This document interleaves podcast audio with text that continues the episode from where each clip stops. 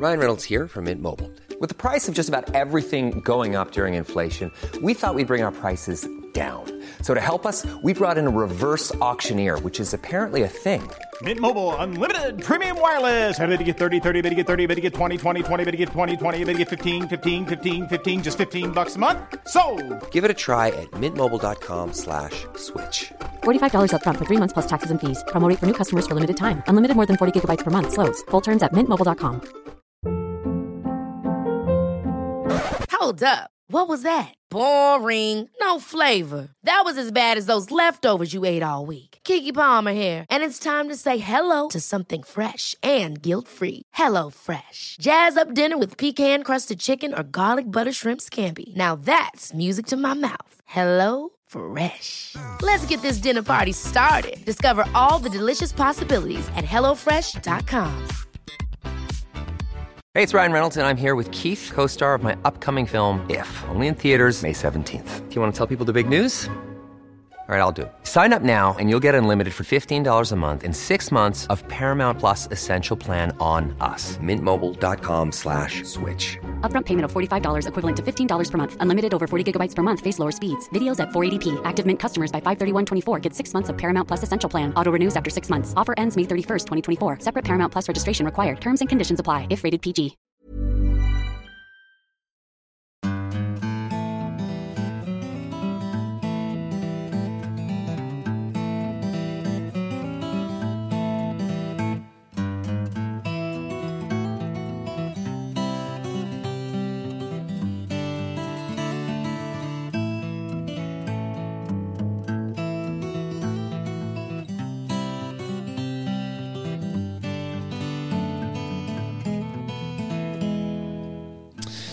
Hjertelig velkommen til en ny episode av Hall og knall-podden. Og vi er på en ordentlig pinse, pinsedags spesialepisode.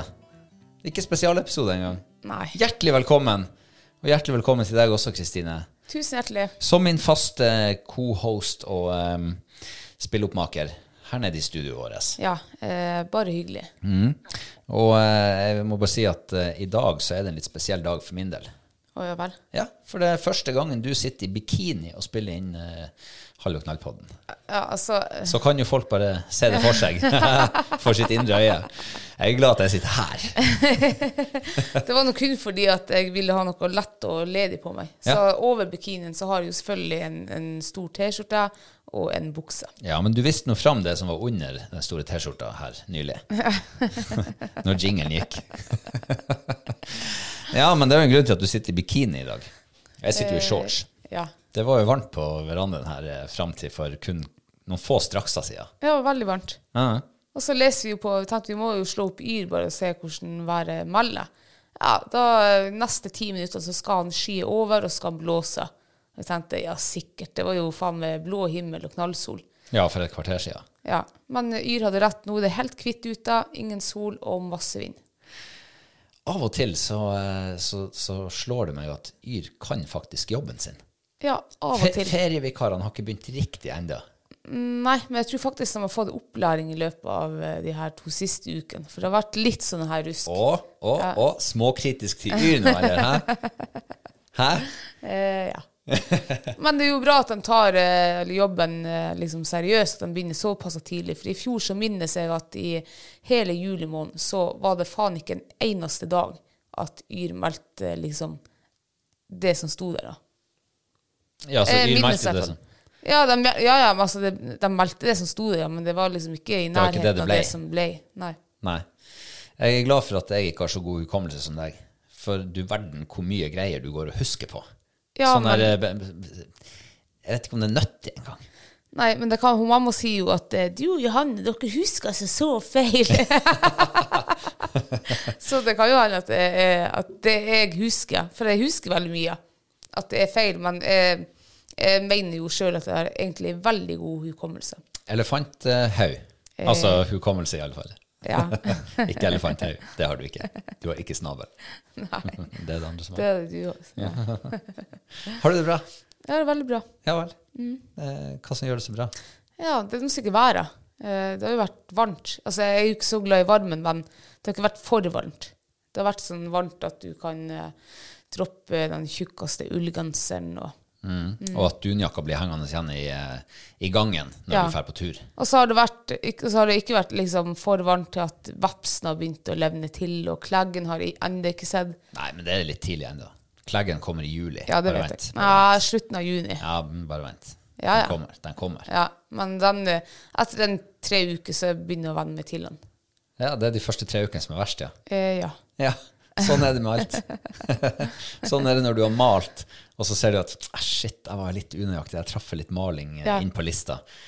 Det er de første tre ukene som er verst. Det er faktisk sant. Ja. For at, eh, jeg malte jo eh, stua her. Og det er den ca. tre uker siden. Det er tre uker siden, og så teipa jeg litt Kanskje det var litt sånn en eh, slørvende teip av listen. Så det er en, en ja, det er kanskje en to-tre meter der det ser sånn en millimeter med den gamle malingsveggen. Mm. Men det jeg glemt nå. Det legger jeg ikke merke til. Jeg husker da jeg bygde hus en gang. Ja. Eh, Så eh, la jeg meg ned på sofaen, og så kjekk jeg opp i taket. Som man jo gjerne gjør når du ligger med på rygg på sofaen.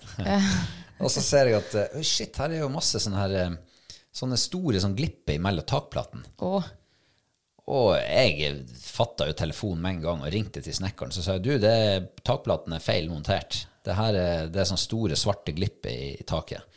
Ja, så nei, sånn er de der takplatene. De er ikke nøyaktige. Det kan være en millimeter avvik her og en millimeter avvik der. Så eh, nei, det, er- sånn er det bare. Det går ikke an å gjøre noe med det. Ja, så det må gjøres noe med. Sånn kan det ikke være. Åh. Nei, nei. Han sa da måtte han rive hele taket i hele etasjen. For alt var jo lagt samtidig. ja. Ja, gjorde han det? Nei, nei. Og det endte jo bare med at jeg lå jo der og keik i det taket og irriterte meg over de der store, svarte sprikkene. Det var sånne, her, sånn grøfter oppi taket. Ja. Og så gikk det to-tre uker, og så brydde jeg meg ikke mer. Uff, det, vet du hva, det hadde jeg fått spunk av. Nei. Ja. Bare i tre, var i tre uker, og så hadde det vært over. Ja, nei, jeg hadde ikke, jeg hadde ikke gitt meg på det der. Hvis det hadde vært så jævlig som du forteller nå, ja, Mm. Akkurat fått sånn var det. Ja, sånn sant? føltes det i hvert fall akkurat der. For du skal jo flytte inn i et strøkent hus. Ja, Eh, Helt eh, klappet og klart. Ingen skavanker. ja nei, det hadde jeg ikke klart. Men eh, det gikk Men nå vet, du ikke, nå vet du ikke om du overdriver, eller eh, om det faktisk er sånn som det var. Jeg lyver aldri. Nei, ikke sant. Skryter ikke heller. eh, ja, du ehm, Vi snakka jo sist om at du hadde bursdag. Ja. Eh, nå er jeg veldig spent på Levde bursdagsfeiringa opp til forventningen? ja. Ja.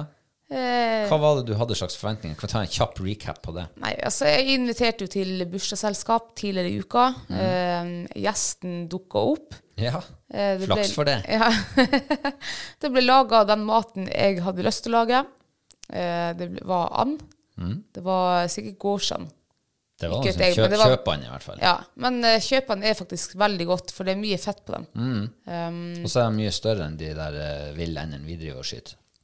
Nei, det, det vil jeg ikke si. Den her var Nei, hva det var Den var 330 gram et brødstykke. Eh, det tror jeg stokk andbrøst også er. Jeg er veldig usikker. Ja, men det er mer fett på de her. Ja, det er det. Det er det faktisk. Fett er jo godt. Ja. Um, ja, så maten var veldig god. Det var terningkast fem. Um, ja, Nei, det var veldig fint. Ja. Var gjesten uh, Oppførte han seg og Han oppførte seg helt til eh, det var midnatt, så eh, sa gjesten at ja, kanskje vi går ut og tar en øl på puben. Ja. Ja. Um, og vi gjorde det. Um, så der ble kvelden For uh, vertinna. Å, ja. det var ikke noe trivelig. Nei, det var ikke trivelig. Å, nei. Det var, Jeg beklager til alle dem vi møtte på, på vår vei på puben. nei, jeg er ikke så nær, men jeg trenger ikke Jeg trives aller best, heller ikke aller best, men jeg trives veldig godt i eget selskap, så jeg trenger ikke den der å fære ut og møte folk og sånn der. Så du hadde egentlig Så- ikke trengt den gjesten heller, siden du Jo, trives best i eget selskap? jo, jo. jo. Nei, jeg sa jo Jeg måtte jo eh, eh, Ro. Nei, ikke ro. Altså bare hent, innhente meg. Ja. Eh, trives veldig godt i eget selskap, trives best i ditt selskap. Eh, jeg trives ikke så veldig godt med masse Det var jo tjåkfullt på puben. Og når det liksom var at vi satt der til det stengtes, kom hjem, gikk og la oss, sto faen ikke opp for langt utpå dag. Eh, den dagen gikk. Det var dritfint vær. Nok en gang, Yr meldte jo at det skulle være litt sånn her ruskvær og drittvær på morgenen. Det var det jo ikke. Det var jo det flotte været. Det var jo det fiskeværet. Det var frokost på verandaen og kaffe på verandaen i solveggen. Ja. Kjempevær var det. Ja. I stedet så, så kunne vi ha stått opp liksom klokka syv og gjort noe den dagen. Men eh, jeg vil jo bare sette det i et lite perspektiv her, da. Ja. For at eh, man, man har jo en tendens til å liksom eh, det, det som skjer i verden, altså i livet ditt, det som skjer akkurat der og no, her og nå, det er det viktigste i verden. Ja. Så eh, når du våkner om morgenen, eh, litt sånn småvondt, litt sånn her kuppelhaug og magesjau, og du vet at det vil nok vare ei stund, så, så, eh, så er jo det den verste tabben du kunne gjøre. Det var jo å gå ut og være sosial. Ja, og, det, og det er det som er verst. Ja, ikke sant? Det er det som er verst akkurat der og da. Men om eh, så si nå tre uker, da, så tenker du tilbake og sier at Det gjorde jo ingenting. Det hadde ingenting å si i den store sammenhengen. Det var en hyggelig kveld. Eh, Vi fikk eh, møtt litt andre folk til en forandring. Og så, og så fikk vi sitte i solveggen og svi flesket litt dagen etter. Ja, nei, men jeg synes, hun Mamma ringte meg dagen etter og ja, var du ute? Ja, sier jeg. Ja, var det koselig? Nei, sier jeg. Og så begynner hun å grave. Ja, hvorfor ikke? Nei, nei, jeg vet ikke. Ja, Hvorfor var det ikke koselig? Altså, herregud, trenger du å spørre om alt? Altså, jeg syns ikke det, men det var liksom Det var ikke, det var ikke at noe hadde skjedd. Nei, det var ikke noe galt, liksom. Det var ikke noe galt, men jeg var jævlig dårlig når jeg sto opp på søndagsmorgen. Ja. Og derfor var det ikke koselig. jeg kunne heller vært ute liksom i fjæra eller på havet eller på fjellet eller Ja. Så derfor. Mm. Ja. Så du gråt egentlig over spilt melk? Jeg gjorde det. Nå høres jeg sikkert jævlig sær ut. Ja, du er veldig Men sær. det er jeg sikkert også. Ja, vi er alle, vi er alle sær. Alle er sær. Selv jeg er sær. Men, men. Men eh, altså, bursdagsfeiringa sånn her hjemme, det var veldig koselig. Mm. Så det var jo ikke, liksom, det var ikke en dag som var ødelagt for, det, for å fylle 31 år. Det er liksom ikke big deal. Det er ikke noe du gjør hvert år. Ja, men det er liksom ikke Ja. Det er noe helt, helt vanlig dag. Ja, er det nå det? For det, at det lærte jeg fort når jeg eh, begynte å bli kjæreste med deg, at Ja. eh, bursdagen det er ikke bare en helt vanlig dag. For meg så har det bestandig vært en helt vanlig dag. Jo. Eh, men jeg oppdager fort at det kreves litt ting å være kjæresten din. Det kreves på bursdager. Så kreves det at det kommer et kort, at det kommer eh, at man er gjest, at man liksom tar litt Man må ha litt frokost, helst på senga. I hvert fall Nei, frokost. du, Eh, kjøss meg en viss plass. Det skal Vet kokes ka- Nei, ikke avbryt. Jeg, jeg må avbryte nå, for avbryt. du sier det forventes frokost på senga. Ja, det har jeg ønska meg i alle år, men per dags dato, vi har kjent hverandre nå i åtte år, jeg har aldri fått frokost på senga. Nei, og det er en god grunn til det. Og det er fordi at det går ikke an å starte den der eh, kaffekverna uten at du våkner. Ja, men jeg kan jo late som. Ja, men du klarer ikke det, for du står opp, og så når- i det, i det jeg på knappen på kaffetrakteren, så kommer du ut av soveromsdøra. Og da er jo sjansen blåst. Eh, så enn så lenge, kanskje når du blir 32 år, kanskje det da kan eh, vanke frokost på senga, Ja. hvis den kaffetrakteren, eh, Ja. den kaffekverna, er litt mer eh, snill med lyden sin. Men bare for å si det sånn, da, at eh, jeg forventa det de første tre-fire årene, men nå, har jeg liksom, nå forventer jeg ingenting. men det var en ting da som var nytt eh, på våre syv-åtte år. Det var at eh, jeg spiste kake på min bursdag. For det har jeg ikke gjort siden jeg møtte deg. Nei. For, før jeg møtte deg, så brukte vi egentlig å ha Vi hadde sånn kake og kaffe, og så kom det liksom familie. Altså i ditt gamle liv. Ja. Men etter jeg møtte deg, så, så har egentlig ikke bursdag betydd så mye for meg. Eh, Det som har vært vanlig, det er liksom at jeg og du lager middag og koser oss. Noe som jeg hørte her, at det gjør vi jo hver dag. Men det blir liksom ekstra stas, syns jeg, hvis du eller meg har bursdag. Det blir liksom litt annerledes. Vi lager det litt ekstra da, føler jeg. Og. Det lages jo veldig ofte litt ekstra, altså litt bedre mat på din bursdag enn på min bursdag. Ja, men du er så ikke uheldig. Du er egentlig ganske heldig som har bursdag eh, i, midt i rypejaktstarten. Fikk du mye bursdagshilsninger på sosiale medier? Veldig mye, og det syns, det syns jeg er veldig trivelig og koselig. Ja. Leste du alle? ja, men det her året har jeg ikke kunnet lese alle. Nei. For at Facebook vil ikke Jeg får laste inn én og en melding, og vet du hva, det går så utrolig tregt. Men jeg skal lese alle hvis Facebook klarer å ja, eh, fungere. Ja. Men det har vært helt ræva nå. Sånn er det med sosiale medier av og til. Ja. Vi kan ikke gjøre noe med det. Nok om bursdag. Eh, vi må over på de viktige tingene Eh, ja. her i livet. eh, I dag så, så tenker jeg at uh, av rent pedagogiske årsaker så skal vi begynne med noe litt hyggelig. Ja. Og så skal vi prøve å avslutte med noe hyggelig. og tida imellom skal vi fylle med eder og galle. Fandens oldemor. ja. Nei, så uh, jeg har jo hørt det at det er det, det, er det siste man hører. Første og siste man, eh, man hører eller opplever, som man husker best. Ja. Så derfor skal vi gjøre et lite forsøk i dag, hvor vi skal prøve å både komme med noe hyggelig til å begynne med, og noe hyggelig til slutt. ja. Så får vi tømt oss liksom midt imellom. Eh, ja, tømt og tømt. vi skal i hvert fall få ja, Utbrodere oss. ut Ja. Eh, ja vi, må, vi må gripe fatt i positive ting. Og um, denne uka, faktisk eh, Var det i går? Ja, det var det. Dagen etter bursdagen din. Ja. Så brukte vi altså dagen til eh, noe hyggelig ute i hagen. Ja. Ja, ja. Husker du hva det var? Jo, jo, det husker jeg. ja. For det var litt utpå dagen, så du, det er mulig for å huske det. Ja, ja, ja. Absolutt. Vi har altså eh, iverksatt eh, Altså, vi har avduka, eller hva det heter, kommet i gang med Gamle Dalaveiens gartneri Ja. eh, og grønnsaksdyrkeri Ja. AS. ja. jeg føler meg litt som en sånn bonde. Dyrkerbonde. Ja. Potetbond. Ja. Føler det som hun Gjertrud. Gjertrud Sand. ja, jeg vet ikke hvem det er. Han men- Olaf Sand. Han oh, ja, dem, var de potetbonde? ja, potetbonde. Oh. Mm. Ja, Bodde på nøysomheten. Ah. Ja. Ja. Nei, jeg må bare si at eh, vi har fått poteten i jorda. ja. Og eh, det har aldri skjedd i min karriere at poteten har vært så seint i jorda. Nei. Det har vært mye snø i vinter. De var seine å tine. Mye snø og så lite framdrift. Ja, lite framdrift. Ja. Ja. Men nå er den i jorda. Nå er den i jorda. Mm. Eh, Det er jeg veldig fornøyd med. Er du det? Ja, Syns du at hjemmedyrka potet er bedre enn kjøppotet? absolutt. Du gjør det, ja. Og så vet du hva, en til ting med hjemmedyrka potet. Det er at eh, på høsten eh, og utover, når du ja, fisker eller eh, fanger vilt eller skyter eller, eller kjøper, så er liksom Ja, potet det har vi jo i hagen. Vi kan bare gå og plukke. Vi trenger ikke å være i butikken og kjøpe det. Tenk hvor mye penger du sparer også. Og ja, tenk hvor mye bedre maten smaker når du vet at det her er noe du har vært med fra start av. Ja. det syns jeg er dritartig. Ja, for da har du liksom hele verdikjeden. Du har både fisken du har fiska sjøl, og Mm. kjøttet du har skutt sjøl, og poteten du har dyrka sjøl. Ja.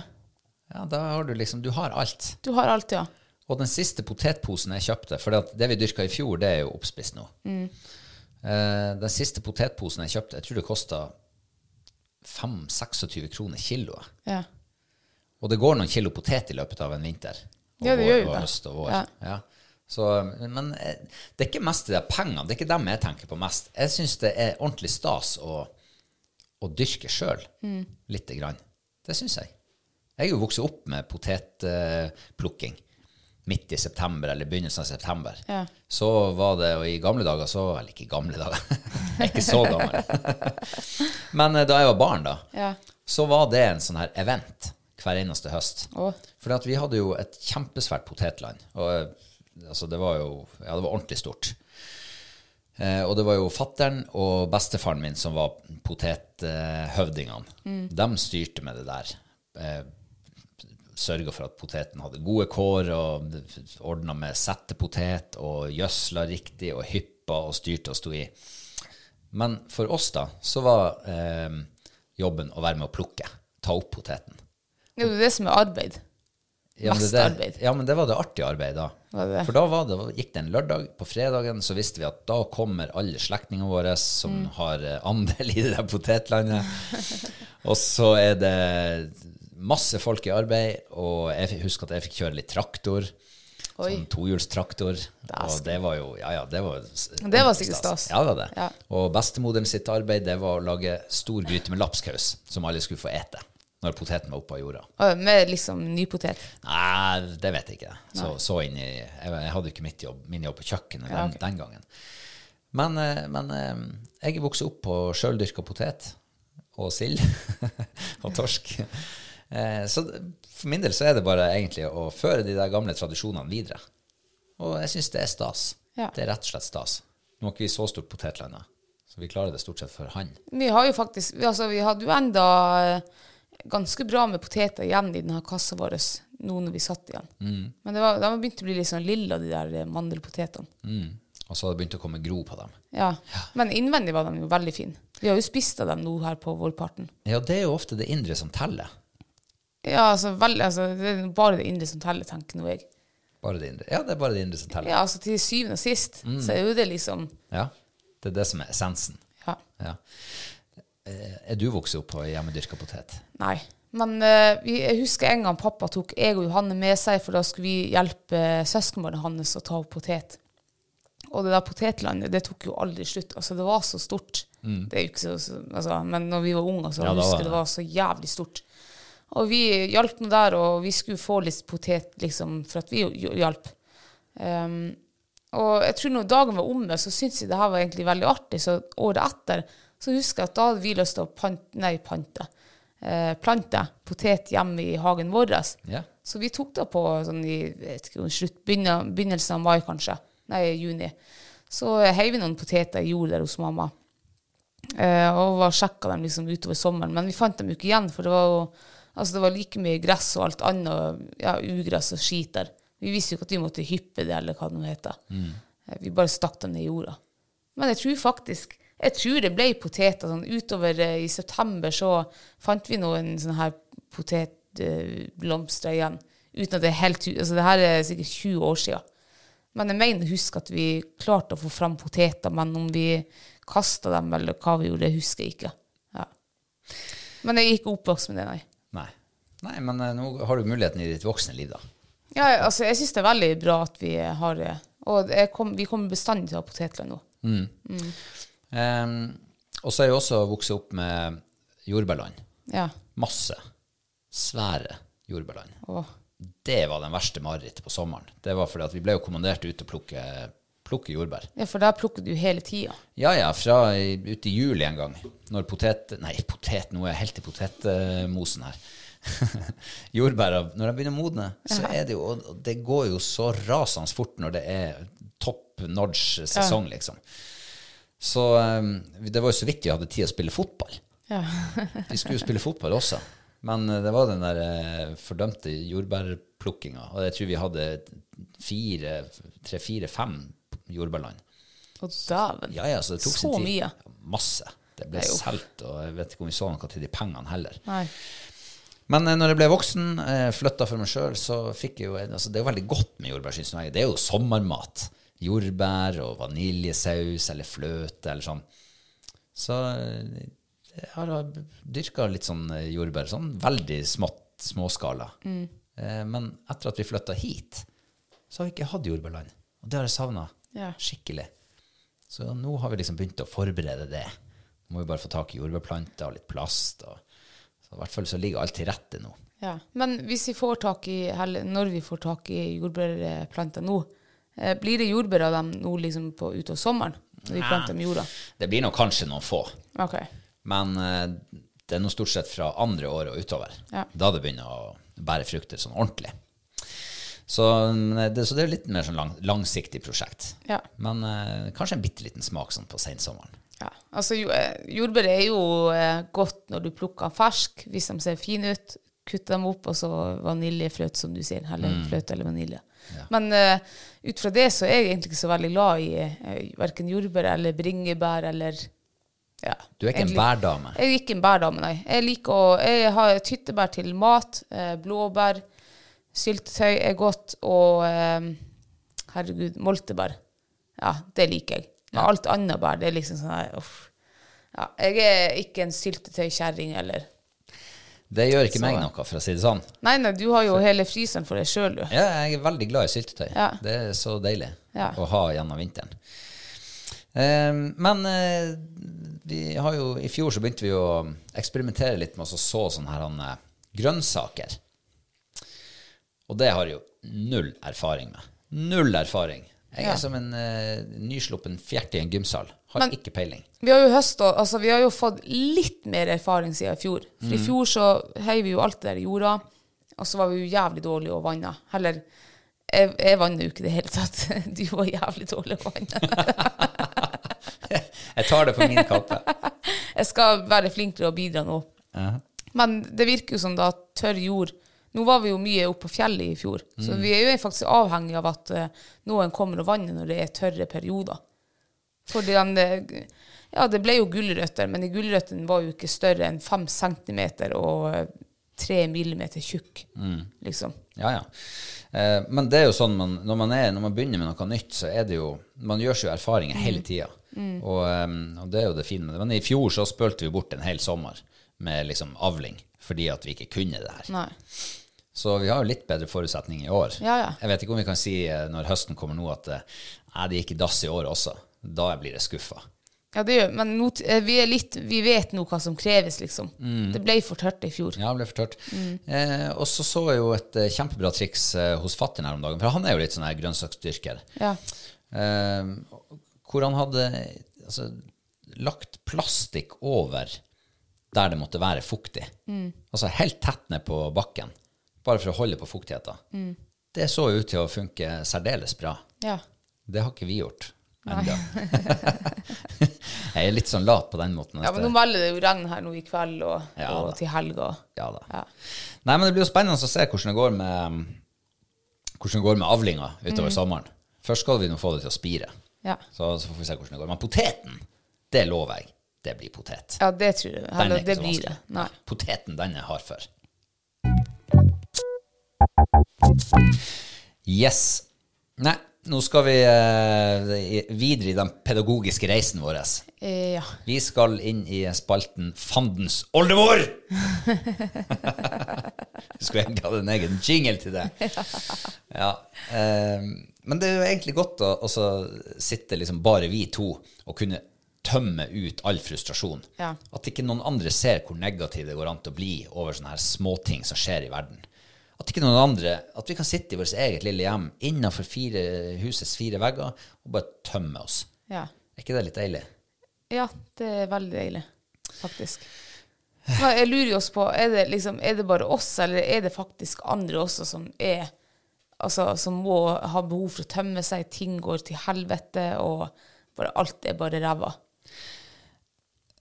Eller er det bare vi som er så barnslige, eller eh, hårsår, eller utålmodige, eller ja.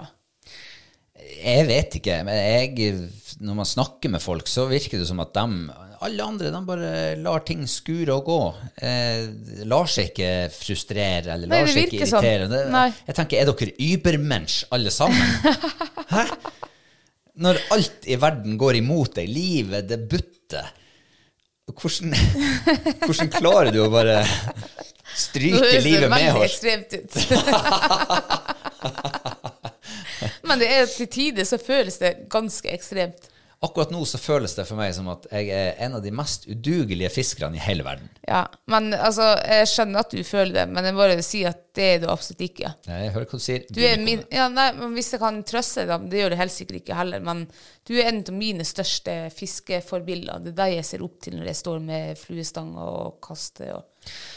Ja, men eh, ser du opp til den delen av meg som også blir frustrert? Nei, det gjør jeg ikke. Men jeg, før jeg møtte deg, så var jeg, aldri, så jeg var mye mer tålmodig med fiske og liksom så positivt. Så det, det er jo de siste årene at jeg også har liksom gått i, i, I fella? Ja, i den retninga som, som man blir jo absolutt påvirka. Tenk at jeg har klart å påvirke deg i sånn negativ retning. Det har jeg ikke reflektert over før nå. Jeg har ikke vært klar over det. Nei, men man blir jo altså Ja, jeg Jeg, har sikkert påvirka deg også med noe negativt. Det har du sikkert gjort, Ja. men det vet jeg ikke hva jeg er ennå. Ja, det, du kommer sikkert på noe.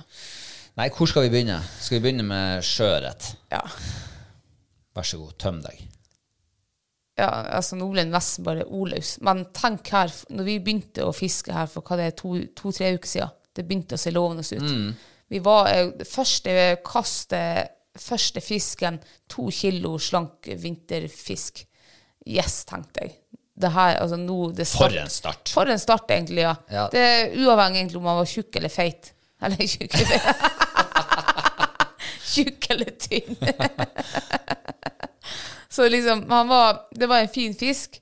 Um, og så drar jo vi på telttur, og så ser vi bare småfisk. Men det er noe fint, og greit, liksom. Det var litt, det var ikke helt sånn her forhold. Men ja, ja.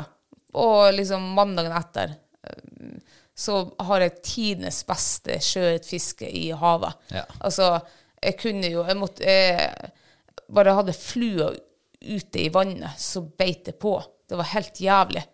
Og eh, det var det sykeste jeg har opplevd.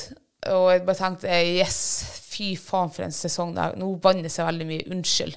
Men jeg blir bare så engasjert. Men jeg tenkte at det her kommer til å bli tidenes beste sjøørret-fluefiskesesong. Altså, for en start. Og så begynner vi å fære ut. Og vi er faen meg ute nesten hver jævla dag. Og hva får vi? Ikke en pelle mannskitt! Ikke en damn Ikke, shit. ikke noe! Og det står fisk Nei, altså ikke fisk, nå blir det helt. Det står faen meg folk i øst og i vest og får fisk inn på land. Jeg ser bilder på Facebook. Vet du hva, jeg blir faen meg helt oppgitt. Her står vi som to jævla nå, nå må jeg skjerpe meg, for nå bannes jeg veldig Ta det sammen. Ja. Vi står som to eh, løse høns i fjæra, føles det ut som. Og vi står og kaster og kaster og kaster og kaster. Skifter flue. Jeg har faen meg gått gjennom hele flueboksen min nå, ikke bare én gang, men sikkert ti ganger. Og det er ikke en fisk å få. Nei. Nei. Så jeg blir faktisk veldig frustrert. Ja. Og er det noe som vekker følelser i meg, så er det akkurat fiske. Så der, der er jeg faktisk bipolar. Ikke riktig ille som deg, da. Men jeg føler meg, altså det er det som vekker både de gode sidene av meg og de dårlige sidene av meg. Så du hadde ikke tatt meg med på, hvis vi hadde blitt kjent nå, så hadde du ikke tatt meg med på en uh, sjøørret-fluefiskedate uh, under rådende forhold? Uh, nei, For da altså, hadde- da hadde du ikke hatt noe poeng. Da hadde, da hadde jeg fått sett de dårlige sidene av deg. Er det det du sier? Nei, jeg er veldig flink å skjule sånn i, eh, all beskjedenhet og sånn her på eh, Ja. Så det men Kanskje jeg hadde tatt med på ørretfiske, så kunne vi ha gjort noe helt annet. Vi kunne sittet i fjæra og mussa, for min del. Ja, ja. ja. Fyrt bål og sett på havet. Ja. Nei, jeg må si at uh, nå begynner jeg å nærme meg et punkt i årets fluefiske, sjøørretfiskesesong som eh, eh, jeg, vet, jeg vet ikke hva det kommer til å gjøre med meg. Men jeg har altså ikke fått fisk ennå! Du har jo fått en på 800 gram, baby. Jeg har fått én matfisk. Men jeg teller jo er ikke fisk over kiloet, så jeg har ikke fått fisk i år. Nei. Og det blir ikke bedre. Det blir, det blir bare verre. Ja. Når jeg tenkte at ok, nå, nå, det, det, nå har jeg nådd bunnen. Det går ikke an å bli dårligere forhold enn nå. Det går ikke an å bli mer dødt i sjøen. Så blir det det. Ja. Det blir dårligere, for det blir enda brunere, det blir enda mer ferskvann, det blir enda mer fiskere, det blir enda dødere, det er mindre fisk, og så er det ah. Eh, Og så føler jeg også at jeg har, jeg har jinxa hele sjøørretsesongen. Ja. Jeg jinxa den for flere uker siden, når vi begynte å vente at nå, nå er det straks sjøørretpremiere. Og jeg gikk høyt ut som vanlig. Store forventninger. Lynende høy tro på mine egne ferdigheter og min egen kapasitet som sjøørretfisker. Ja. Det er så enkelt. Det var så enkelt, sa jeg. Du, du trenger en garntråd knøtte fast på en, en krok. Og så trenger du bare en stang og få vippa den ut så vidt ut i sjøen, utfor tangbeltet. Ørreten er så glupsk og vill. Han skal, han skal ete seg stor og feit nå. Det er samme hva som kommer foran snuten på han. Han biter på det. Det er bare å tråle dem på land. Det er ikke det. Nei, tenk at du sa det her for ikke mange uker siden. Fallhøyden du- min har aldri vært større. Jeg har ennå ikke nådd bakken. Jeg faller fortsatt. Altså, jeg ramler. Detter enda. Den dagen jeg treffer bakken, så kommer jeg til å være Husker du han Billy når han har fått juling av han Shanten i Billy-tegneserien? Han lå der som sånn der han, eh, en sånn floke på bakken. Du så en arm som stakk opp der, og et bein som stakk ut der. En god gammeldags floke. Ja. Sånn kommer jeg til å føle meg når jeg treffer bakken. For nå tror jeg ikke det går an til å bli verre. Jeg, har, jeg har brukt så mange timer i sjøen, så mange dager, i all slags vær omtrent, og i all slags vind, og i gode forhold til synelatende, og i dårlige forhold, og på masse forskjellige plasser. Vi har til og med begynt å måtte utforske nye plasser Ja. for å se om kan det være et snev av håp i et hengende snøre der? Ja. Svaret er nei. Det er ikke det. Men, vi, men når du sier at du har jinxa, ja. Jeg vet hva, det tror jeg så gjerne. For jeg har vært to dager i fjæra denne sesongen alene. Og begge de to dagene der, så har det liksom vært yes.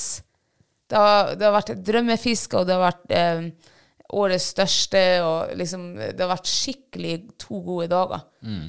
Og så egentlig alle de andre dagene har vi vært i lag. Ja. Og det er egentlig det er bare ræva. Så jeg lurer faktisk på Måttrom, er det, kan det være deg? Er det du som er liksom uh, Nei, jeg tror ikke det er meg. Jeg tror det er oss. Tror du Det det? er vi. Jeg har jo ikke fått muligheten til å være alene og fiske ennå.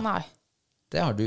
Ja. Da har du hatt kjempefiske. Jeg får ikke det, for hver gang jeg skal dra og fiske, så skal du jaggu være med.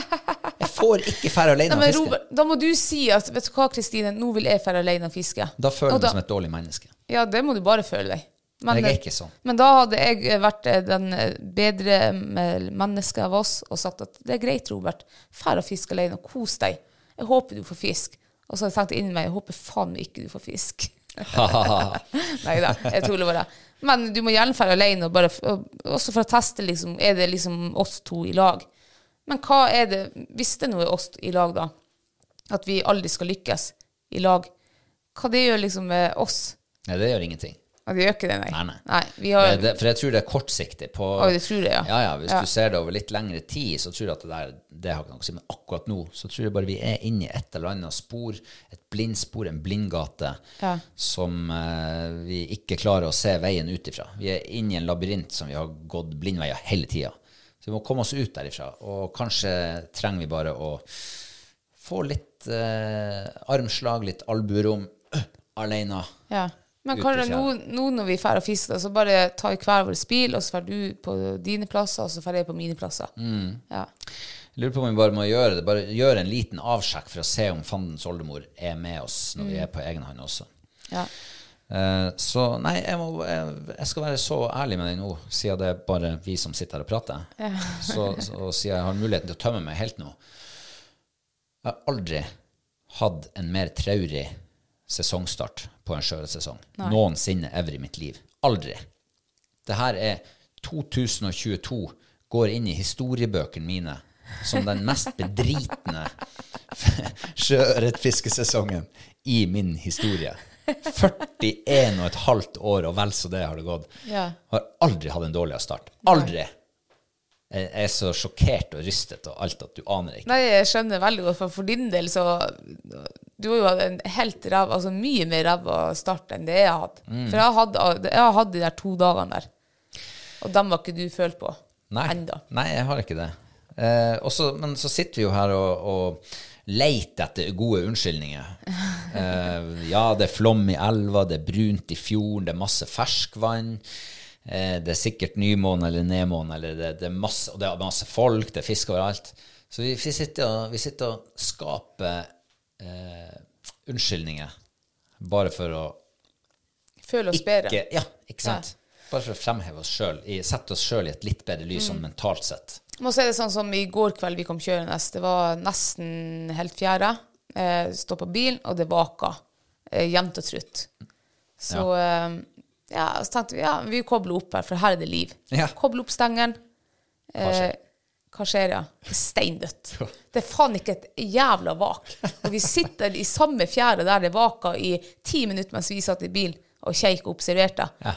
Og så bare steindødt i flere timer. Helt utrolig. Nei, og da begynner man å lure på, er det liksom eh, hva det heter, Murphys lov, og det, det må være flere lover som spiller inn samtidig her, som bare veiene deres krysses akkurat der vi er, akkurat i den fjæra. Ja, jeg Også, tror vi ganna. Mm. Og bare en, en siste ting. Ja. Samme skjedde i dag. Vi kommer ned til fjæra. Vi ser faen ikke et jævla vak da. Men uh, de som står til høyre for oss, får fisk.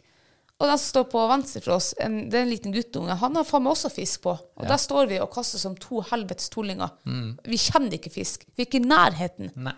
Nei, jeg vet hva, jeg gjør opp. Jeg vil bare til slutt referere til uh, fiskeregel nummer fem som hang på dassveggen vår uh, hjemme i barndomshjemmet mitt. Ja. Ta ikke unger med deg på fisketur, for de får mer fisk enn deg. Det Ja, er det mer? Eh, vi, er vi ferdige forresten Det var liksom til slutt noe med sjøørretfiske. Ja, Vi, vi blir jo ikke ferdige, men eh, jeg tror vi skal sette en strek for for nå. Ellers så blir det bare sånn her klagesyte-podkast. Ja, ja. Nei, eh, det, det var deilig å få tømt seg litt.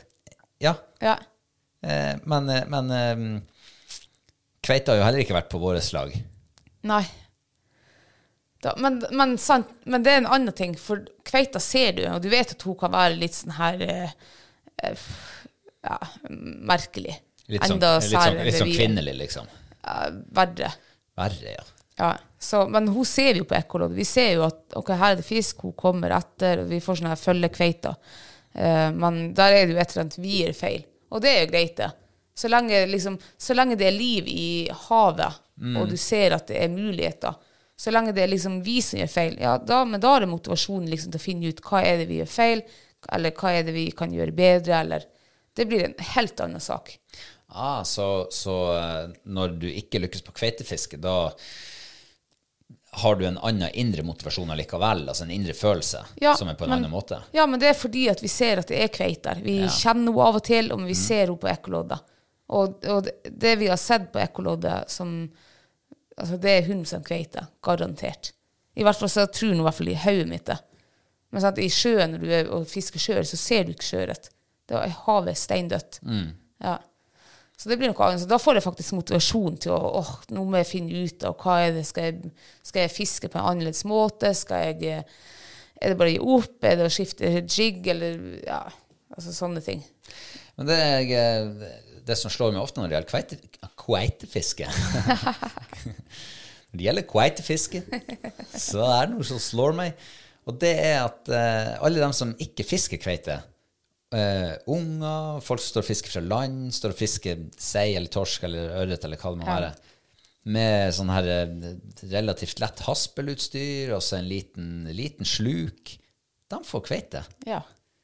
Mens vi som liksom gjør alt i hermetegn riktig, kjøpt store stenger og tunge jigger og alt, og det er liksom Du har perfekt fart på båten og tjo og hei. ja. Vi får ikke kveite. Nei, det er faktisk sant, det. Så- Når du sier på den måten, så kjenner du nå å bli jævlig irritert. Nei, altså, må man bare begynne å fiske helt utradisjonelt? Skal man ta den der lille sluken på, ta seg en annen stang, en haspelstang, Ja, sitte kanskje. og pilke småtorsk og liksom late som du fisker etter det, og så plutselig få kveite? Ja. Um, jeg vet ikke. Nei, jeg kjenner at den, all, alt det her havfiske og sjøørretfiske, alt det, det det, det, tærer på, det tærer på motivasjonen min, rett og slett. Jeg kjenner at jeg må finne på noe annet å gjøre. Jeg må ha en liten pause nå. Eh, så, jeg, ja, jeg deler den absolutt. ja, så jeg tror faktisk at eh, nå skal jeg la vaderne tørke, både utvendig og innvendig. La dem eh, henge på trappa noen dager. Ja. Jeg tror jeg trenger bare et lite, en liten break, rett og slett. Ja. Ikke ut og fiske noe kveite heller. Men samtidig så vet jeg at å, det er så fint å være på sjøen om kvelden. Det er så koselig. Det er, når det er fint vær, og du ligger der og har det deilig på sjøen, så skal Ja. du ikke gjøre det igjen. Nei, hva da? Nei, men så, altså, Det er jo koselig å være i fjæra eller på havet. Men så er det jo som i går når vi var, det var jo kjempefine forhold.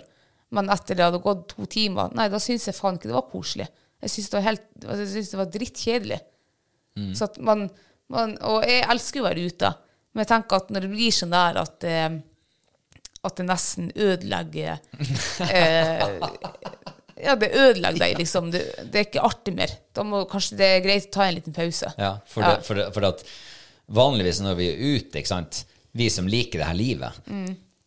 når vi går ut, så er det jo for å få påfyll, ikke sant? Du skal påfylle Ja. noe mentalt, du skal påfylle Ikke for at du skal tømme deg liksom for energi og alt Nei, mulig. ikke sant? Det er akkurat som med å være med folk som Noen folk gir deg energi, noen folk tapper deg for energi. Ja. Og det er jo gjerne de folkene som gir deg energi, man vil være med. Ja. Men når de folkene også begynner å tappe deg for energi, da er det noe galt. sånn føler jeg det nå. Ja, ja. Nå er det sånn at eh, Åh, ja, nei, uff. ja. Nei, så jeg kanskje må ha en pause. Jeg er jo sånn, altså jeg er veldig glad i å være ute og puste frisk luft, men det er jo bestandig liksom med enten i form av med hunder, trening, eller med børser, jakt, eller fiskestang. Og liksom det Ja. Ja, for du går aldri på en fjelltopp bare for å se på utsikten, liksom. Nei. Nei. Eh, man, Det må være mål og mening, altså i, sånn noe som du liker å gjøre? Noe som jeg liker å gjøre. Ja, ja, ja. Jeg har jo aldri omtrent vært på en topptur om sommeren, eh, fordi at det er aldri et fiskevann oppe på toppen av et fjell. Nei. Hadde det vært et fiskevann der, eh, og kanskje som var bra i tillegg, så kunne jeg gått på topptur. Ja. Men ikke, jeg går ikke på en topptur bare for at å, det er så fin utsikt. Det får, jeg har ikke motivasjon til det. Nei, ikke heller. Da må jeg i så fall gå innom et vann som ligger ganske nær toppen, og så ta en sånn liten detur opp dit, bare Ja. sånn, siden vi er så nært. Det, det kan jeg gjøre. Oh, herregud, jeg er glad for at det er bare vi to som sitter her og får høre det her. eh, så, men jeg kjenner at eh, Det har vi jo snakket om før, at når man har problemer i livet, så er det godt å prate om det. Ja, det er jo det. Og eh, jeg, jeg, Jeg tror det er forskning også på å liksom prate om problemer eller ting som du går og tenker på. Mm. Gjør, det, det blir litt lettere. det gjør det. Ja. Har du hørt om sånn forskning? Jeg mener jeg leste på Facebook kanskje noe. Kanskje jeg har sett det i e-avisa. Jeg lurer på om psykologer kan gjøre noe med hodene våre nå. Det Kunne de ha tatt et psykologisk triks med oss, og så liksom bare tuna inn hodet på en annen måte? Det kan godt hende. Jeg har, ikke, jeg har aldri gått hos psykolog før, så jeg har ikke peiling. Eller sånne mentaltrenere, sånne der coacher. Mm. De lever jo veldig godt på sånne som oss. som, har, som har Du kommer litt hva er problemet ditt? Nei, vi får ikke fisk. Ja. Ja. Har ikke fått fisk på hele sommeren. da tror jeg han hadde snudd meg rundt på femmeren, og der er døra. Ja, jeg tror ikke vi hadde blitt tatt veldig seriøst. Nei, med mindre han hadde 3000 kroner timen for å gjøre det. Da, da skulle jeg også ha hørt på sånne som meg. Nei, men eh, jeg tror vi eh, sier at vi er, vi er ferdig med eh, fandens oldemor for i dag. Ja. Så får vi håpe at ikke den kommer hjem neste gang. Nei, vi får håpe det blir likere. Vi lovde jo at eh, vi skulle eh, pakke det her inn i en pedagogisk eh, riktig forpakning. Ja. Ja. Så nå skal vi altså prøve å avslutte med noe som er hyggelig. Ja. Ja. For det finnes jo lyspunkt i denne verden. ja, altså vi har ikke bare, bare hatt det jævlig. Nei, vi har ikke Det men det har tatt litt stor del av livet vårt Ja. de siste det, men det er jo liksom det du henger deg opp i, liksom det negative som du har vært igjennom. Og, og, ja. Ja, all den motgangen du møter på. Mm. Men uh, derfor er det så fint å liksom kunne Ja, kunne bare liksom sutte litt på de der små karamellene man får i livet. Ja. Som er gode karameller. Yes. Søt og god. Og akkurat passe stor. Ja. Ja. Hvor vi skal hen i dag? Nei, nå skal vi jo over til garnfiske. Yes! Yes. Jeg elsker garnfiske! jeg elsker det! Tenk at vi har måttet fiske opp garnet vårt for å få fisk, og få liksom de her eh, ja, de eh, store opplevelser Ja. i gåsetegn. Um, Ekte opplevelser. opplevelser, ja. ja. Tenk på det. Men det har jo faktisk gitt oss eh, altså, mat i fryseren og i magen og i panna. Mm. Ja. Og ja, vi, det er jo noe vi begynte med i fjor. ja. Det var jo garnfiske. garnfiske. Altså flyndregarn. Flyndregarn, ja. Og eh, det var jo noe vi egentlig kom på her nå rett før helg, at vi har jo det flyndregarnet liggende ennå. Eh, vi følte at vi trengte litt eh, avveksling. ja. Eh, sånn at eh, da hentet vi det fram, greide det opp. Det var en svær vase Ja, på det. herregud, vi hafta lenge med det. Mm. Men vi fikk i hvert fall klargjort det, Ja. og fikk det i havet. Hvordan var det der å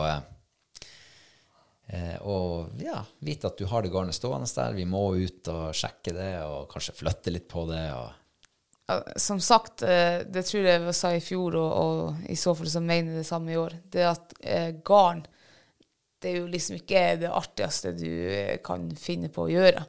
For meg. Jeg liker jo, når jeg fisker, så er det jo mye for opplevelsen, ikke bare for å, å få mat. Det er jo for liksom å kjenne, eller ja, du får det du har jakta på, og får det, og, og kjenne liksom krafta og sånn der. Um, så garn blir litt annerledes. Ja, det gjør det. Men gud, for en deilig avveksling det var. For der fikk vi jo faktisk Det var jo ikke Det, var jo, det har vært én per gang når vi har drugget det opp. Ja. Men det er jo litt artig. Og så er det litt sånn her når du kjører til det, og nysgjerrighet, og er det fisk her, og hvordan fisk, og Og i fjor når vi fiska med det, så var det jo sånn at når vi dro det, så så du jo Ja, der kommer noe hvitt der nede i sjøen. Og oi, oi, oi, hvor spennende. Hva er det her? Hva er det her? Er det steinbit? Er det kveite? Er det flyndre? Er det en torsk som har rota seg inn i garnet? Hva er det her? Ja. Men nå er jo sjøen så brun at vi ser jo ikke noe før Altså det, første, det eneste forvarselet vi har fått, det er jo liksom Ok, vi kan kjenne at det har vært litt sånn, litt sånn nøkking i, i Ja. garnet når vi trekker det. Ja. Eh, men det andre forvarselet det er at når du ser at oi, her har garnet liksom De to tellene de går imot hverandre. De har liksom Ja. vikla seg inn i hverandre. Det viser seg at det er ganske vanlig tegn det når det er fisk i garnet. ja. Så, det, men det ser du ikke før du liksom rett før fisken kommer ut Nei, av det gjør ikke det. For vi står jo en halv meter over eh, havskorpa. Ja. Så første garnet vi dro opp, så det var jo bekmørkt liksom i havet. Det var brunt og, Mm. og skjettent. Og der kommer det jo Vi kjenner jo det nøkket. Og der er det en steinbit, altså en jævlig svær steinbit. Som nesten, stor, ja. ja, han er nesten på Altså, han er på nevene våre nesten når vi drar inn. For vi ser Altså Mm. Uff, det var skummelt. Shit, det var skummelt. Men eh, det er tydeligvis ganske uvanlig å få steinbit i garn. Ja. Faren min han trodde jo ikke på det at vi hadde fått den i garn. Han var sikker på at vi hadde fått den på stang. Ja. For han hadde aldri fått steinbit i garn før. Nei. Og så var det jo en annen kar vi snakka med. Han fikk jo titt ofte steinbit eh, i flyndregarnene. Ikke sant? Ja. Ja. Ehm, ja, det var faktisk årets første fangst i garn. Ja. En eh, fin steinbit. ja, det var veldig fin, altså. Og um, jeg, jeg syns det er faktisk litt fint å ha en sånn der ting å gjøre. Bare sånn å Ja, det er ikke det aller råeste du kan gjøre, men som du sier i sted, det er en helt annen ting. Ja. Det er en, eh, en annen opplevelse. Eh, og så er det jo, kjenner jeg at jeg får liksom litt mer den der mataukedelen av Ja, meg. det blir jo litt mer sånn, ja. Mm. Og så vet vi jo at uh, de der flyndrene, for en matfisk det er. Ja, herregud. Det jeg tror er- det er en av mine favorittfisker. Det er blitt det Ja. siden i fjor. Fantastisk matfisk. Og vi har fått, nå har vi fått to rødspette. Ganske store, vil jeg si. Større enn dem du kjøper i butikken. Ja, jeg tror, de her må nå sikkert være borti 1,5 kilo. Tror det. Ja. Og så sier de jo òg at eh, flyndra er best på sensommeren, høsten. Mm. Men eh, det er ikke sikkert den er så Det er ikke sikkert det. det, er ikke sikkert det. Men det er ikke sikkert den er så mye dårligere enn den fisken du kjøper i butikken. Nei, som. Mm. har ligget der en, noen dager på is. Så det er jo vårt lille mantra på sommerstid. Ja. Den sommerfisken man får. Men de her to rødspettene som vi har tatt Vi har jo fått en lomre og en sandskrubbe også, men dem har vi hevet ut, for de var litt små. Mm. Men de er, de er ikke mager, Altså, de ser ikke magre ut. Nei, de for det er det de sier, at uh, de kan være litt magre på denne tida, så de er bedre å fiske fra august og utover. Mm. Men også leste du på Google at katter liksom er det beste å fiske flyndre. Og det var jo allerede fra mai av og så ut til var det oktober eller noe. Ah, For da kom, de gyter visst på vinteren en plass. Jeg husker ikke helt. Um, og så kommer den liksom inn og beiter seg opp. Og så er den sjøørret. Han trenger sikkert bare to-tre uker, så begynner han å bli fin. ja. Ja, Så hvis de var gyta da nå i januar-februar, så er det jo bra matfisk nå. Så hvis de her fiskene er, er god matfisk, så vet vi hva vi har i vente videre utover sommeren. Ja. Ja. Nei, men eh, det, det, var i hvert fall, det var i hvert fall verdt denne uka, så har det vært en veldig sånn fin, eh, fin opptur eh, og et positivt tilskudd til livet akkurat nå. Ja. Så det må jeg si. Eh, og så har jeg jo eh, tenkt på en annen ting som jeg så vidt har begynt å foreslå for deg. Og, Det at eh, de her gjengen som driver og dorger sjøørret, ja. de auser jo fisk på land. Ja. Vi har ikke fått oss en eneste fersk røyka ørret ennå. Kanskje vi skal fære og dorge sjøørret og gjøre et, en ordentlig innsats på det. Ja. Ja. som sagt at uh, det er jo Når jeg skal på fjelltur eller noe sånt her, det, det er med fiskestang, hagle eller hunder. Og jeg føler at jeg tror ikke jeg kommer til å være med ned til sjøen kun fra dorge. Da må det i så fall at vi skal ned, vi skal fiske etter kveita, og så kan vi dorge oss hjem igjen. Men jeg føler altså, Dorge er sikkert kjempeeffektiv og artig for dem som driver på med det. Og det, for det er ikke meningen å snakke stygt om dorging, for Nei, nei, vet det er mange nei, som nei. gjør det. Ja, ja. Men jeg syns det er altså så kjedelig. Syns det? Jeg syns det. Og, jeg, og jeg ser jo altså mat, Jeg trenger ikke matauk heller, for eh, vi har enda sjøørret i fryseren vår nå i år som vi fikk i fjor. Så jeg vet at vi klarer å skaffe oss liksom eh, både sommer-, høst- og vinterforsyninger. Jeg vil bare si at vi har spist den siste røkte sjøørreten vår fra i fjor. Har vi det, ja? Yes. Ja. Nå har vi kun noen kveitebitter igjen. Ja, men sant, Da har vi jo berga oss i et helt år, da. Mm. Ja. Men det var jo for at vi faktisk fikk litt fisk i fjor. Jo, jo, men altså, hallo, Robert. Året er jo akkurat begynt. Ja. Ja. Man var må ikke se helt bekmørkt på det. Nei, det var ikke det. Det var, ikke det. Det var bare en sånn uh, liten sånn plantanke framover. Ja, ja. At vi, hvis vi skal ha uh, om et år akkurat skal si at nå har vi akkurat spist den siste biten av røkt sjøørret, Men, men jeg tror egentlig det vi er veldig dårlige på når det kommer til fiske, det er at vi er jævlig utålmodige.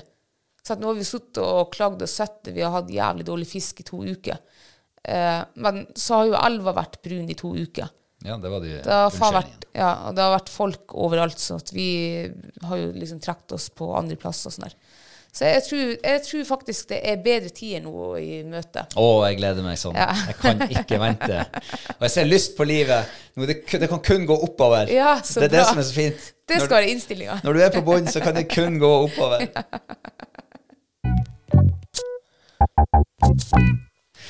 Vi skal over på uh, ukas mathøydepunkt. Men jeg bare sier én ting, da, for det har Ja, vært okay. helt håpløst. ja. Jeg fikk jo faktisk en uh, ganske fin torsk her i uka. Ja, det gjorde du, ja. Det gjorde jeg. Altså. Det vi har fått fersk torskeløgn som vi hadde ønska oss. Ja, Og det er en, da er vi inne på ukas mathøydepunkt, er vi ikke det? det er vi, ja. I hvert fall veldig i nærheten. ja. For uh, den, vi lagde jo den, den ble veldig god. Uh, ja, den er kanskje den beste torsken jeg har smakt i vinter. For som sagt at uh, torsk og flyndre og sånn på denne tida, det er, kanskje, det er kanskje ikke det er prima vare, men det er noe bedre enn det du får kjøpt på butikken. Ja, som har vært frossen i Ja. om så hvor lenge. Ja, Så torsken var veldig god. Ja, det var faktisk det. Mm. Uh, og den ble jo lagd etter en oppskrift som vi har liggende på nettsida vår. Ja. eh, som vi også delte på Facebook-sida her tidligere i uka. Mm. Så eh, torskeloin med baconsmørsaus og ertepuré. Kjempegod mat. Den kan dere bare gå inn og så finne igjen der. Det anbefales på det sterkeste. Mm. Eh, men er det ukas mathøydepunkt? Nei, det er det ikke. Nei, det er ikke det, nei. Nei. nei. Eh, det, har vært, det har vært mye fisk eh, i det siste. Det har jo vært veldig mye grill i det siste. Ja, herregud, grill, ikke Det jo, snakk, altså. det har jo vært et eventyrlig sommervær her oppe den siste uka. Og da er jo grillen får jo kjørt seg, for å si det sånn. Ja. Eh, men eh, hva du syns om grillmat, da? Er det, er det noe som eh, ofte når opp i eh, eh, konkurransen om ukas mathøydepunkt? ja, altså når vi begynte å grille for to uker siden, og vi har vel kanskje ikke gjort annet enn å grille. Jeg tror jeg kan telle på to-tre altså fingre på når vi ikke har grilla. Så um, det var godt til å begynne med, men nå kjenner jeg at jeg har lyst på litt sånne her grillmatpauser. Så egentlig så er det gledelig at uh, Yr meldt ti grader og overskyet nå denne uka. Ja, kun for grill, grillmatpausen. Ja, for det er jo noe med det å stå inne på et kjøkken når det er en eh, 17-19 grader ute. Ja. 20 grader og vel så Det er jo trivelig å være ute. Det er jo det som mat. er så fint. ikke Ja. sant? Du står ute, du gjør to ting. Du både soler ryggen eller magen, og så Mm. griller du mat også. Så det jo, det, så det er jo summer feeling. på en Jo, måte. jo, absolutt. Og det er trivelig, men jeg syns eh, det har blitt nok grillmat nå. Og jeg føler også at vi har kanskje mye å gå på der. De sier du kan grille alt, men jeg føler at vi er enda i sånn her eh, Utforskings-, lære oss-fase. Ja. Eh, og i så henseende så må jeg drage fram eh, en, noe som vi oppdaga i fjor, Ja. som er altså så usannsynlig godt. Og det er grilla geitrams. Ja. Herregud. Tenk, altså Geitrams Jeg syns det er en flott blomst når den blomstrer, sånn litt senere på sommeren. Men du verden, den er god å spise også. Den er altså helt nydelig. Og jeg ante ikke før for et år siden at det gikk an å ete den i det hele tatt. Nei. Men den anbefales. Ja, det på det sterkeste. Mm. Altså, den, den minner meg så, den, sånn blanding mellom grønnkål og um, Asparges. Nja ikke helt. Jeg vet ikke. Men gr- veldig lik grønnkål, da. -hmm. Veldig gode i de. Og tenk at geitrams det vokser jo sikkert eh, uhemma og vilt over hele landet. Ja, det tror jeg. Vi har den i hvert fall eh, rett utfor stuedøra. Det Ja, vokser attmed stueveggen. Ja. Mm. Så det er bare å gå og klippe. Men ikke klipp dem når de blir for store. De er best når de er litt sånn relativt nysprungen. Mm. Altså eh, før de blir sånn grov i stilken. Ja. Da er de aller best. Um, og så har vi jo prøvd nå både å grille dem helt naturell, eh, ha litt olje på dem og litt salt, og sånn her barbecue, sånn glaze-aktig. Hva du syns er best av det vi har prøvd så langt? ja det, det må være fuktighet liksom tilført dem, Mm. og litt smak. Ja, Ja. det gjør seg. Så, ja, så grill dem naturell, så Det blir ikke den store matopplevelsen. Det blir veldig jo sånn nøytralt, da. Ja, det gjør jo det, men det er det jo mye med andre grønnsaker også. Du Mm. bør jo ha litt, kanskje litt salt eller litt olje eller et eller annet. Mm. Ja. Eh, men kan vi dra oss tilbake på ukas mathøydepunkt? Hva Ja. er mathøydepunktet ditt? Mitt mathøydepunkt det var bursdagsmiddagen. Den var veldig god. Det var gårsanda. Herregud, den var god. Ja. Den var altså så nydelig. Eh, kan du eh, dra oss kjapt gjennom hvordan den ble laga? Tilbehør, oppskrift? Gjør en lang historie kort. Ja, det var, vi, vi hadde jo eh, inspirasjon fra Helstrøm sin kokebok. Eh, så der var det and som var stekt eh, litt sånn på begge sidene. Um, og så var det den her gode, syrlige um, granateplesausen. Ja, du Gud, den er deilig. Ja. Ja, den, er, altså, den passer altså så godt til. Da hadde jeg aldri tenkt meg at en granat liksom skulle være saus til noe, i hvert fall ikke kjøtt. eller, ja. Nei, men uh, hvem hadde tenkt at appelsinsaus skulle være godt til kjøtt? sant. Og det er jo også syrlig. Ja. Mm. Litt, litt sånn søtsyrlig, men mest syrlig. Og, og det er jo kanskje den mest kjente sausen til and. ja, det er jo det. Men granateple har egentlig mye av de samme egenskapene, Mm. men litt annen, litt annen smak. Ja. Mm. Så fantastisk god saus som passer perfekt til. Og så hadde vi jo geitrams til. Ja. Mm. Eh, og så hadde vi Nei, det hadde vi vel ikke. Glem det.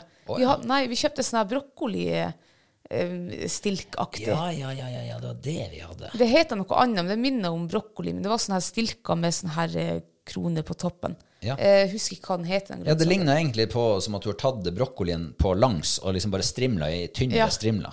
Og litt finere. Mm, Stemmer det. Det og så eh, husker jeg ikke Ja, så hadde vi, så hadde vi eh, sånn gulrøtter og potet som var stekt i panna. vi, ja. I lag med jeg tror det var noe urter og greier. Mm. Mm. Veldig enkelt, egentlig, Veldig enkelt, ja. men veldig godt. Vi har jo sett noe liksom ja, de siste årene at når du skal lage liksom noe som er eksklusivt, eller der kjøtt eller fisken skal spille hovedrollen, som det veldig ofte bør gjøre, da, så ikke lag det så vanskelig. Ikke ha masse hipsen og hapsen. Det er mye bedre hvis du liksom lar det få være. Ja. Ikke drep alle smakene med altfor mye andre smaker. Det er masse tilbehør.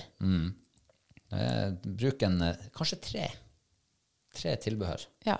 Og så en, kanskje god saus. Ja, det, da blir det stort sett bra. ja. Men denne, denne retten jeg ga jeg terningkast fem til.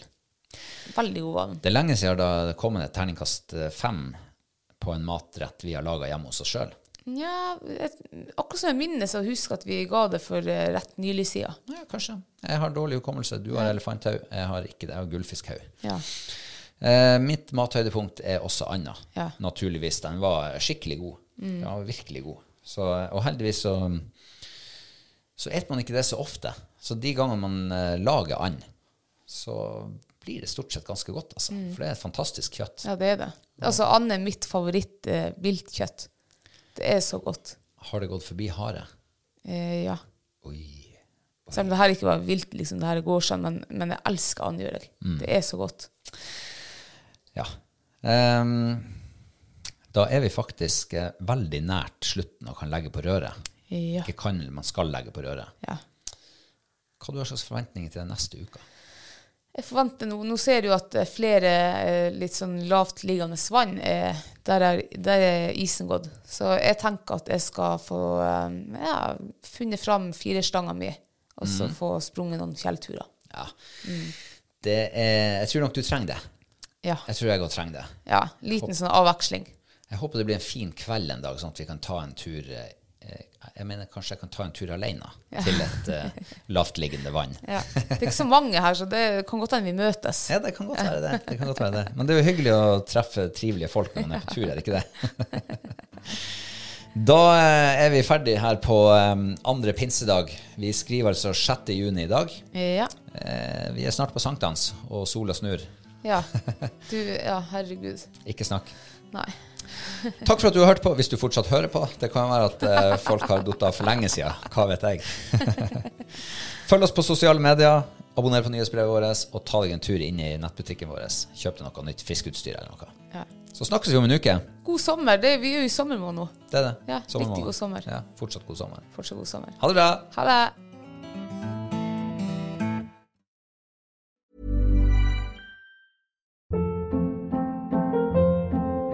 Hold up. What was that? Boring. No flavor. That was as bad as those leftovers you ate all week. Kiki Palmer here, and it's time to say hello to something fresh and guilt-free. Hello Fresh. Jazz up dinner with pecan-crusted chicken or garlic butter shrimp scampi. Now that's music to my mouth. Hello Fresh. Let's get this dinner party started. Discover all the delicious possibilities at hellofresh.com. Even when we're on a budget, we still deserve nice things. Quince is a place to scoop up stunning high-end goods for 50 to 80% less than similar brands. They have buttery soft cashmere sweaters starting at $50, luxurious Italian leather bags, and so much more. Plus, Quince only works with factories that use safe, ethical, and responsible manufacturing. Get the high-end goods you'll love without the high price tag with Quince. Go to quince.com/style for free shipping and 365-day returns.